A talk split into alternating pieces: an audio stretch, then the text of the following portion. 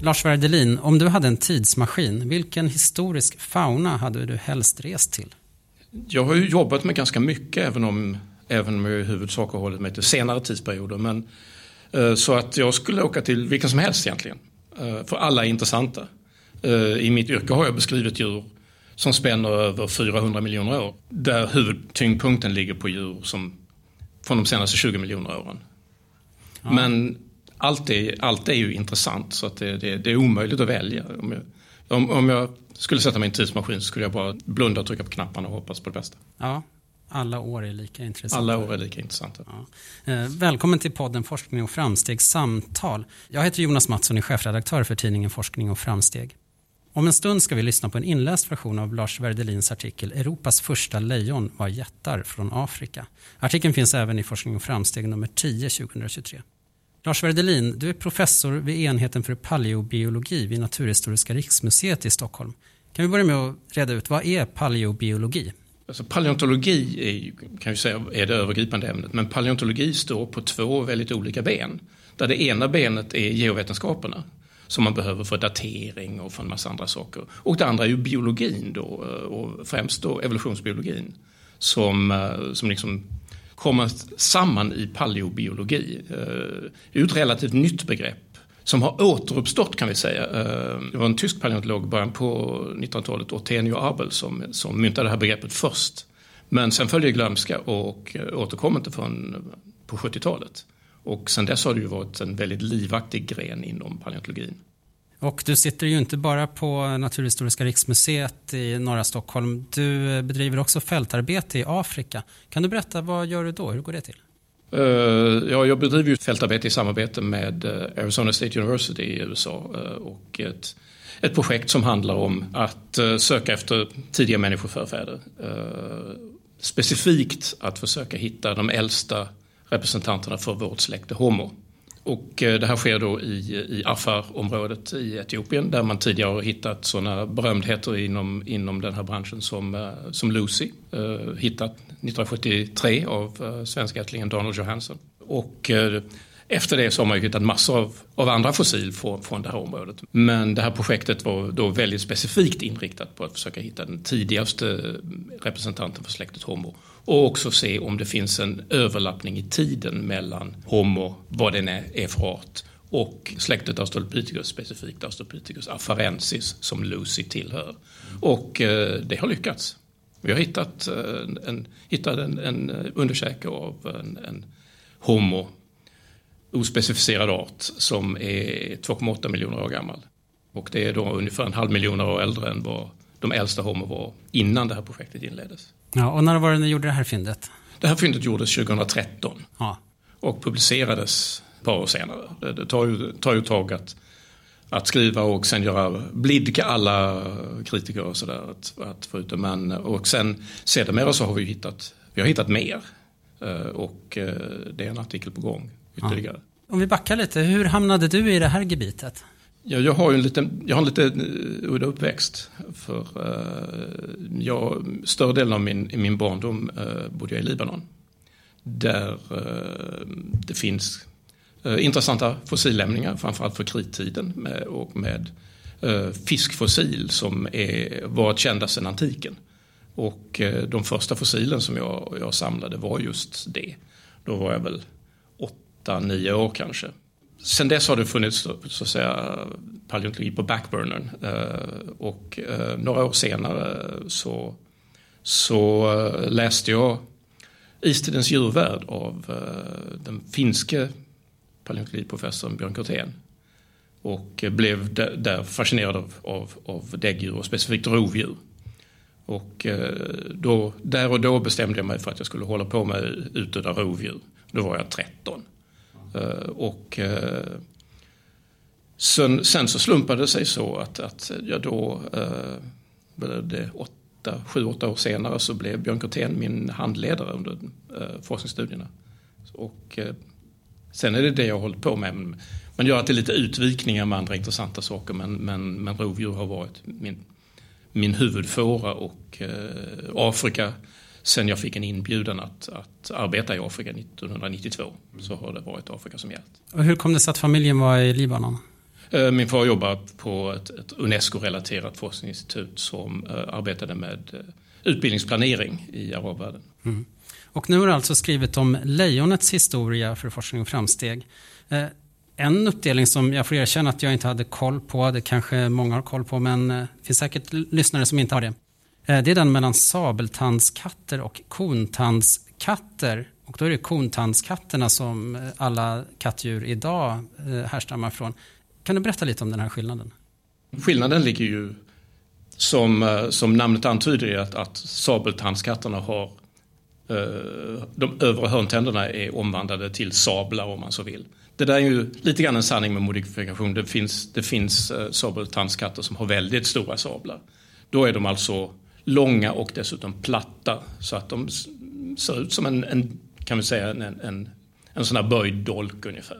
Sen så finns det andra som tillhör den här gruppen som, som inte alls har lika långa övre hörntänder men ändå, ändå kan identifieras som tillhör den där gruppen för att de övre hörntänderna är, är betydligt större än de undre hörntänderna medan hos dagens eh, så är dels är, är hörntänderna mera runda Eh, och dels så är övre och undre hörntänder ganska lika i storlek även om de övre är lite större. Och den här, den här uppdelningen har man kommit fram till eh, ganska sent med hjälp av, av eh, paleogenetik. Att den går tillbaka 18 miljoner år. Så att de här grupperna har varit åtskilda väldigt länge, mycket längre än man hade föreställt sig. Och även att det finns två grupper av sabeltandskatter, bägge utdöda då, tyvärr, som, som också skilde sig åt väldigt tidigt. Ja, vad hände med de, de sabeltandade katterna? de dog ut helt enkelt. Ja, eh, och det finns, säkert, det finns säkert en lång rad skäl till det. Eh, där eh, klimatförändringar och människans diverse härjningar över, över jorden har, har, spelat in. När dog de ut i tiden? De, de dog ut på väldigt olika tider på olika kontinenter. I, i Afrika så dog de ut först. Och för de, de sista representanterna någonstans för en miljon år sedan eller kanske lite mer. Men då hade redan de mest extrema formerna dött ut i Afrika. I eh, Eurasien så försvinner eh, sabeltandskatterna för någonstans mellan 50 och 300 000 år sedan. Eh, det beror lite grann på hur man tolkar ett fynd från Nordsjön. Mm. Eh, och i Nordamerika så fanns det ända till slutet av, av istiderna så fanns det två släkten av, av sabeltandskatter. En på vardera grenen av sabeltandskatterna som dog ut för någonstans kring 12-13 000 år sedan. Ja. Så, att, eh, så det är väldigt olika och eh, i förekommande fall kopplat på olika sätt till, till människan och till de klimatförändringar som har varit under, under istiden. Ja. Och väldigt nyligen får man säga. Det är väldigt nyligen och i Sydamerika så, så fanns eh, släktet Smilodon som är kanske den mest ikoniska av alla, av alla sabeltandskatter, den som man ser på alla bilder och som, som är känd från eh, asfaltsjöarna i Rancho La Brea i Los Angeles. Eh, den dog alltså ut efter istidens slut, eh, någonstans för 9-10 000 år sedan. Eh, lejonen kom till Europa i flera omgångar. Bland annat var det Panthera leo fossilis eh, som kom och eh, lite senare kom Panthera leo spelea, grottlejon kallas de också. Kan du berätta om det här lite kort? Alltså lejon kan ju ha, ha ut, vandrat från Afrika eh, många gånger men det är de här två grupperingarna som är tydligt distinkta. Eh, och eh, den, den äldsta då Panthera leo fossilis eller Panthera fossilis för en del eller Panthera spelea fossilis för en del. Det är en stor förvirring kring namngivningen av de här. Den är väldigt stor. Den är mycket större än, än, än dagens lejon och de här en stor hanne kunde säkert väga 4, 450 kilo. Det är, kan vi säga, 60 procent mer än en, en, en nulevande lejonhanne. De verkar ha spridit sig för någonstans en miljon år sedan i, ungefär. Och dels till, till Europa och dels till västra Asien. Men kanske inte så mycket längre än så. Medan eh, den andra invandringen då, eh, Panthera spelea, spelea eller Panthera leospelea, det klassiska grottlejonet som man eh, kanske pratar mer om och som man ser på grottmålningar från, eh, från tiden kring 30 000 år före, för nutid. Och den tar sig inte bara till de områden där fossilis redan hade varit utan också längre bort eh, hela Sibirien i stort sett och eh, så småningom också över till Nordamerika. Där det blev stopp, åtminstone tillfälligtvis, och eh, en ny art utvecklades när de blev isolerade i Nordamerika och den arten är den amerikanska lejonet, eh, Panthera leo atrox, som också är ett väldigt stort lejon. Som, som lyckas ta sig söderöver i Nordamerika och ända ner till Mexiko och, och områden där söder om men däremot inte Sydamerika når lejonen aldrig. Eh, amerikanska lejonet dör ju ut ungefär samtidigt som de andra stora kattdjuren då, eh, sabeltandskatterna i, i slutet av istiden. Och detsamma gäller grottlejonet i Europa fast något tidigare. Eh, utbredningen krymper och de sista grottlejonen kan dateras någonstans till en kanske 30 000 år eller något mindre. Det här var inte ett lika stort lejon som, eh, som fossilis men större än dagens lejon. Och eh, skiljer sig också på ett, ett, ett väldigt väsentligt sätt. Och det är att det förefaller av alla bevis vi har som att hannarna inte hade någon man. Utan hannar och honor såg likadana ut. Och det vet man därför att det finns grottmålningar där de har tydligt markerat ut hanliga könsorgan på hanlejon och de har ingen man. Och vi vet ju att de här eh, tidigare människorna i Europa, de, de Homo sapiens som gjorde grottmålningarna, de var väldigt observanta. De hade koll på sin omgivning och de visste hur djuren såg ut. Och, eh, om inte de har gjort satt dit någon man så hade de ingen man. Hur såg relationen ut mellan människorna och lejonen? Ja, vi, vi, har ju genom alldeles nya rön har vi ju sett att eh, ganska tidigt, lång, innan Homo sapiens, så eh, hade neandertalarna då en ska vi säga, en relation med, med, med lejonen i så mått att man har kunnat identifiera dels spjut som, som neandertalarna hade använt för att döda lejon eh, och dels eh, lejonfossil där man kan se spår av skelettering vilket tyder på att de då kanske inte har ätit köttet för det är inte så nyttigt men däremot använt skinnet. Och det kan ju ha varit antingen vardagskläder eller något väldigt ceremoniellt. Att eller något extra fint, jag har dödat ett lejon. Eh, man kan ju tänka sig en, en mandomsritual ungefär som hos eh, massajer idag. Det är viktigt för steget upp i vuxenvärlden för, för, eh, för pojkarna att döda ett lejon. Dagens lejon är ju som sagt eh, mycket mindre än de här eh, som vi talar om. Vad är det som har gjort att dagens lejon är så mycket mindre? Det är väldigt svårt att veta. Eh, det finns ju många faktorer som spelar in där. Klimat, tillgång på föda, konkurrens från andra djur. Inte minst människan då naturligtvis. Och de djur som följer med människan, boskap och, och, och andra. Som, många, många av de, av de människogrupperingar som, som lever i Afrika och som har eh, kommit in i Afrika även i sen tid var ju boskapsskötare.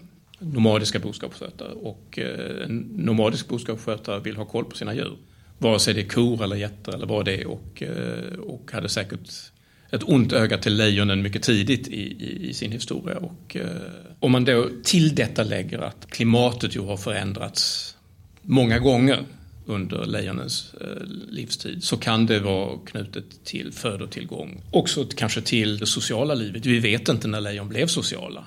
Jag skulle säga utifrån min forskning att, att det kanske skedde när sabeltandskatterna dog ut. För att det förefaller, att döma av de fossil som jag studerar, att, att lejonen före sabeltandskatternas utdöende var begränsade till vissa miljöer medan eh, sabeltandskatterna levde i de, de bättre miljöerna. Så att säga. Det är lite spekulation men, men det, är, det är en möjlighet också. Att de blev sociala, att de levde i grupp? Att de blev social, precis, för att, för att uh, klara konkurrensen med de större och kanske mer aggressiva eh, sabeltandskatterna som fanns. Att vi lär oss om utdöda djur, som lejon i det här fallet, eh, vad kan det lära oss framåt? Det vi kanske lär oss mest av det här det är ju att alla djur dör ut. Och att om vi vill bevara den fauna och den flora också för den delen som vi har idag så, så får man jobba för det. Saker och ting dör ut eh, om vi inte aktivt skyddar dem.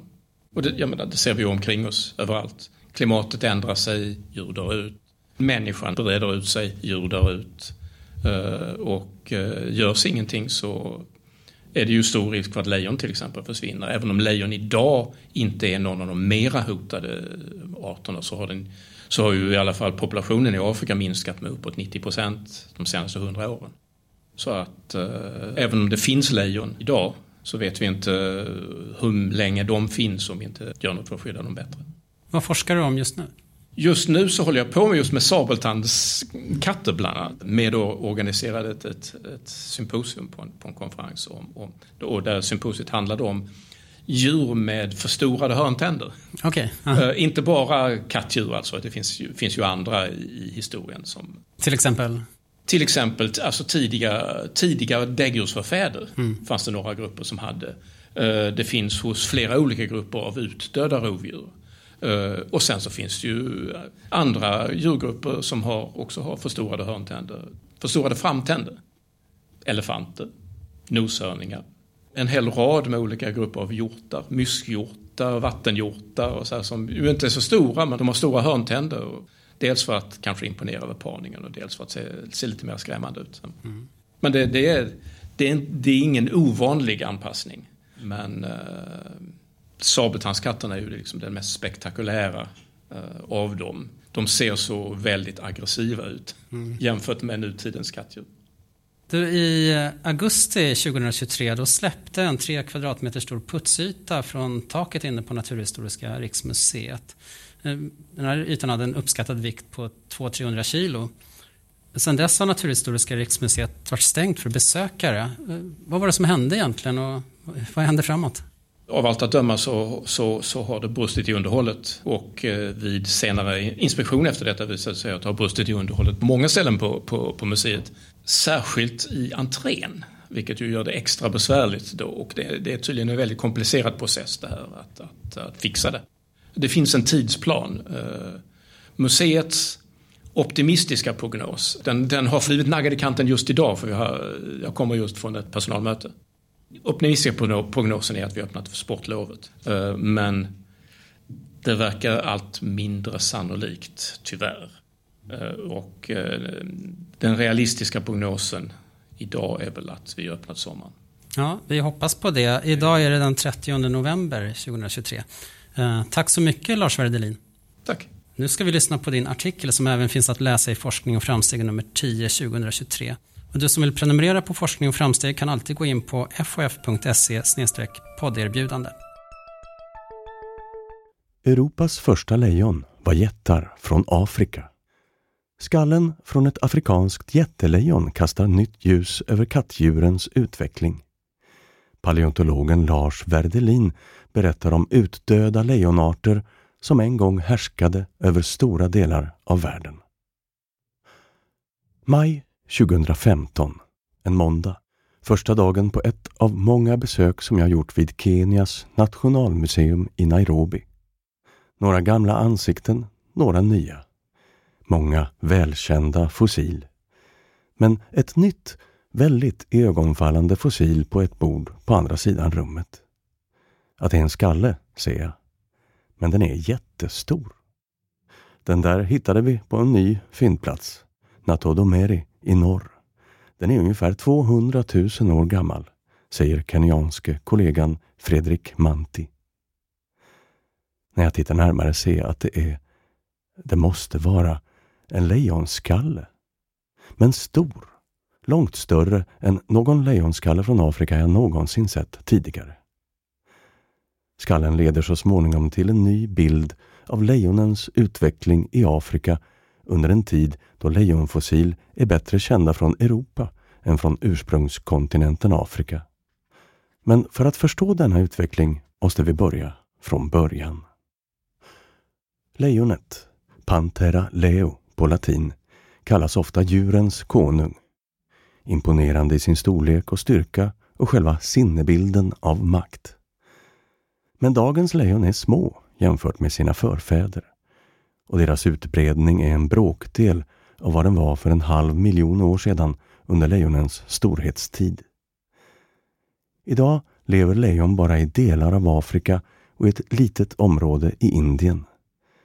Under sin storhetstid fanns de förutom i Afrika också i stora delar av Europa, Asien och Nordamerika.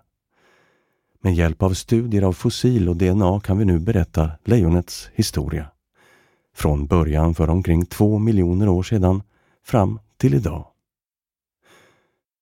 Kattdjuren, levande och utdöda, kan delas in i två grupper. Den ena innefattar de välkända sabeltandskatterna med sina långa tillplattade övre hörntänder. Alla nutida kattdjur tillhör den andra gruppen, som kallas kontandskatter, därför att deras övre hörntänder ser ut som koner. De första kattdjuren utvecklades i slutet av oligocentiden för omkring 25 miljoner år sedan och delades snabbt upp i de två ovan nämnda grupperna. Kontandskatternas evolutionshistoria är betydligt sämre känd än de sabeltandade kattdjurens. Tack vare rikligt med fossil kan vi följa utvecklingen av sabeltandskatterna ganska väl tills de dog ut för omkring 10 000 år sedan. I motsats till detta är kontandskatterna dåligt kända som fossil. Den mest troliga orsaken är att de levde i miljöer där fossil inte bildas så lätt. Till exempel i regnskogar eller ökner eller på platser där fossil idag är svåra att hitta av andra anledningar. Sabeltandskatterna däremot dominerade i gräsmarker och vid floder och sjöar där det fanns rikligt med byten och där sannolikheten för bildning av fossil var större. Det är inte förrän för de senaste fyra miljoner åren som vi börjar få en tydligare bild av kontandskatternas utveckling baserad på fossilfynd. Lejonet tillhör ett släkte av kattdjur som heter Panthera. I detta släkte ingår förutom lejon också leopard, jaguar, tiger och snöleopard. Deras närmaste släkting är trädleopard, släktet Neophelis. Dessa tillsammans utgör den första nu levande grenen som skilde ut sig på kontandskatternas släktträd. Det skedde för omkring 11 miljoner år sedan. Som nämnts tidigare är utvecklingen av Panthera nästan helt okänd under de efterföljande sju miljoner åren. Dagens lejon tillhör arten Panthera leo och dess närmaste nu levande släkting är leoparden, Panthera pardus. Om det har funnits mer än en art av lejon är en omtvistad fråga.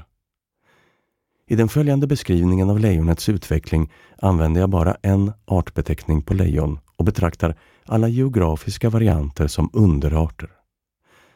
Anledningen till det är att lejonets utvecklingshistoria är kort och att de olika grupper som nämns är mycket unga jämfört med åldersskillnaderna mellan de flesta arter på däggdjurens stamträd. De äldsta fossilen av lejonartade kattdjur uppträder i Östafrika så sent som för fyra miljoner år sedan, i början av en geologisk epok som kallas pliocen. 5,3 miljoner år till 2,6 miljoner år före nutid. Dessa fossil skiljer sig mycket lite från dagens lejon, men det är ändå oklart om de är äkta lejon eftersom studier på nutida kattdjurs DNA tyder på att lejonen och leoparderna inte skilde sig från varandra förrän för ungefär två miljoner år sedan, vilket är tidigt i pleistocentiden, 2,6 miljoner till 11 700 år före nutid. Därför har dessa tidiga lejonliknande fossil fått ett eget artnamn. Panthera principialis. Om dateringarna baserade på DNA stämmer kan det vara så att förändringar av klimat och fauna för 4 till 5 miljoner år sedan formade miljöer som var särskilt gynnsamma för utvecklingen av kattdjur av lejontyp och leopardtyp. Tidiga leopardliknande djur förekommer i samma faunor. Dessa tidiga lejon och leopardliknande former kan senare ha dött ut för att sedan återuppstå i nästan identisk skepnad när förhållandena var gynnsamma igen. Alternativet är naturligtvis att de DNA-baserade dateringarna är felaktiga.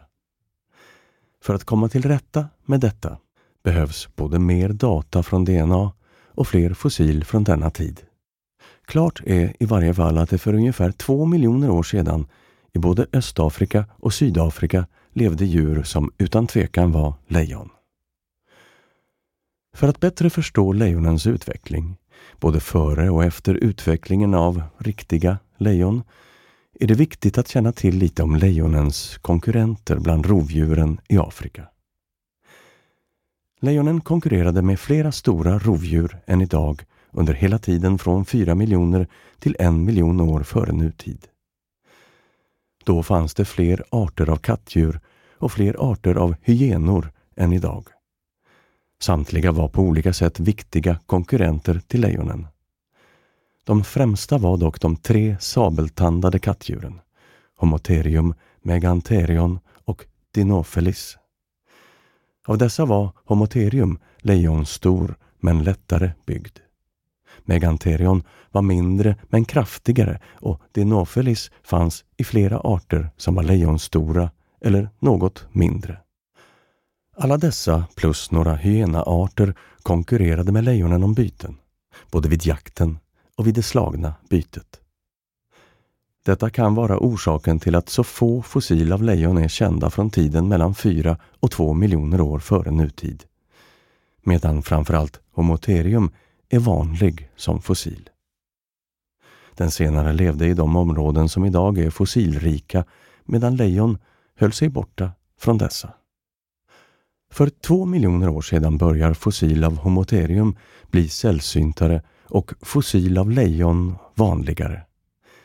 Vad detta beror på är inte helt klarlagt, men både utvecklingen av en ny människoart, Homo erectus, och klimatförändringar vid denna tid bör ha varit viktiga för sabelkatternas gradvisa minskning och slutliga utdöende.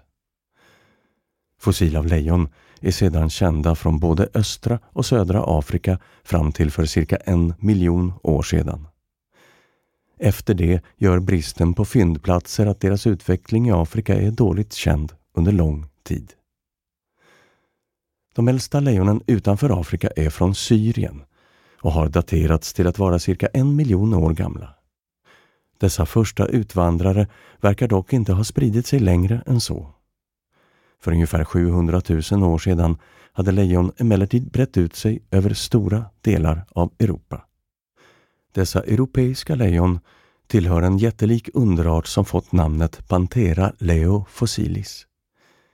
Inte oväntat skedde denna spridning under en värmeperiod i den berg och dalbana av klimatvariation som jorden genomlevt den senaste årmiljonen.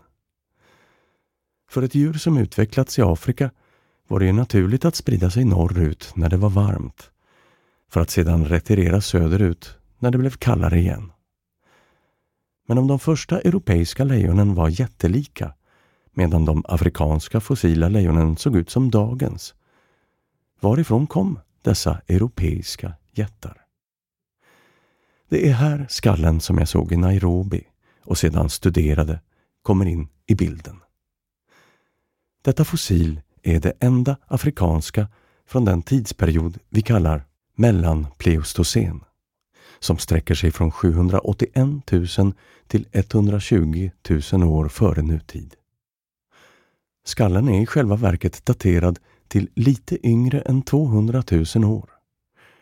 På samma fyndplats har man också funnit några av de allra äldsta fossilen av vår egen art, Homo sapiens. Tillsammans med fynd av jättelejon från Sydafrika av okänd men troligen mellan pleistocen ålder kan vi sluta oss till att lejonen någon gång efter cirka en miljon år före nutid utvecklades till att bli större, för att sedan mot slutet av pleistocen bli mindre igen. Och det var dessa jättelejon som spred sig utanför Afrika. Panthera leo fossilis koloniserade större delen av Europa och sydvästra Asien men verkar inte ha haft någon större spridning längre norr och österut i Asien.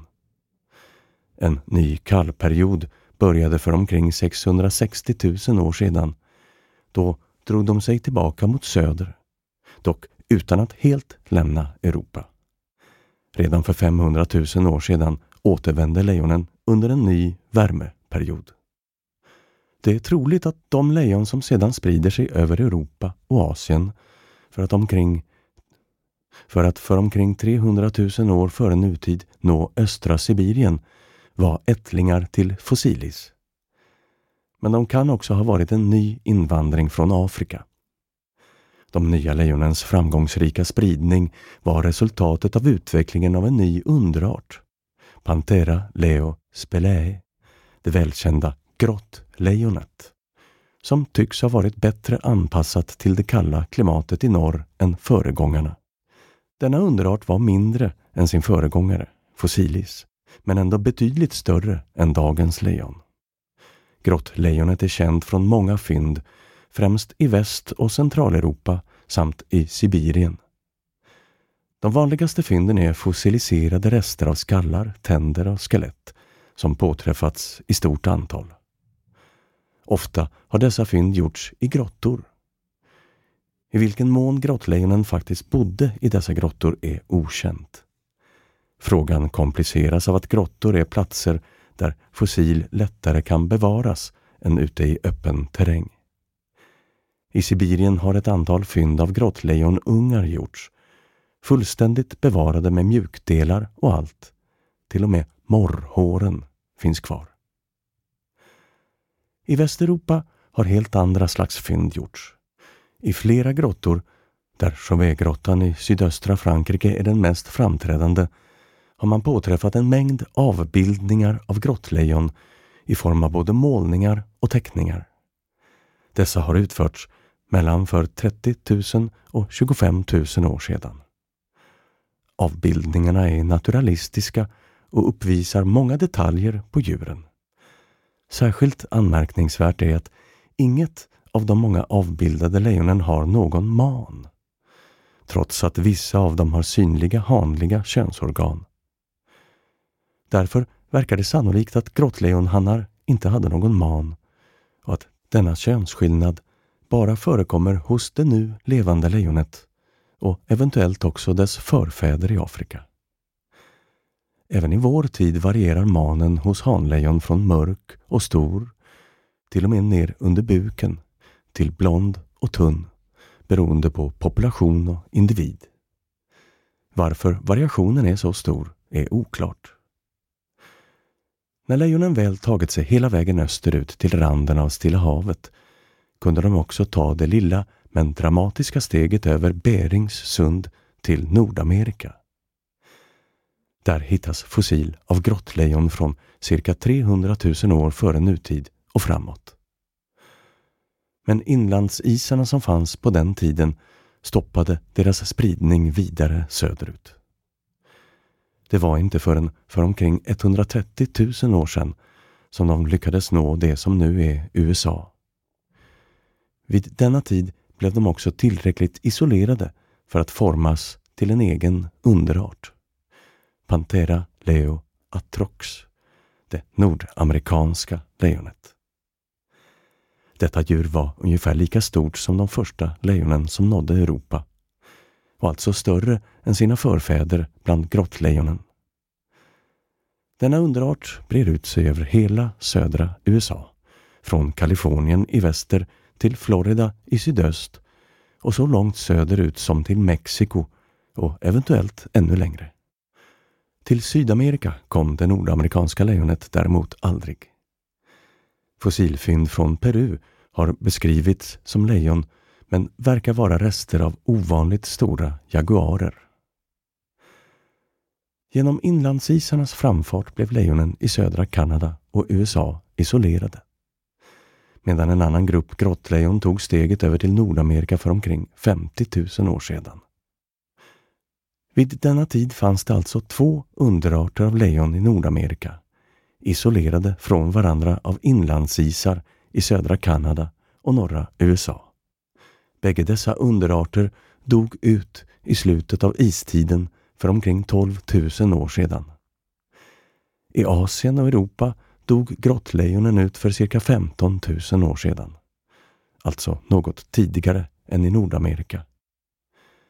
I historisk tid fanns det lejon i sydvästra Asien och sydöstra Europa. Exakt när dessa försvann är omdiskuterat. För 10 000 år sedan täckte deras utbredningsområde nästan hela Afrika. Under det senaste seklet har utbredningen minskat.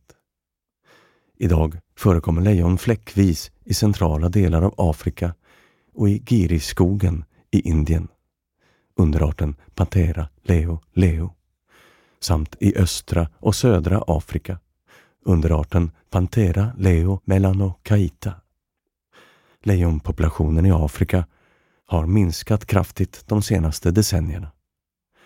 Sedan år 2017 klassar Internationella naturvårdsunionen, IUCN, arten som sårbar och det är oklart hur djurens konung kommer att klara sig i framtiden.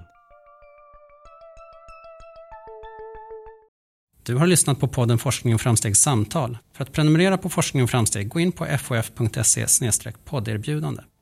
Inläsningen av artikeln är gjord av Iris Media och medverkade i samtalet gjorde Lars Werdelin, professor vid enheten för paleobiologi vid Naturhistoriska riksmuseet i Stockholm. För ljudteknik, klippning och vignett står Per Dahlhjelm. Jag heter Jonas Mattsson och är chefredaktör för Forskning och framsteg. Tack för att du lyssnade.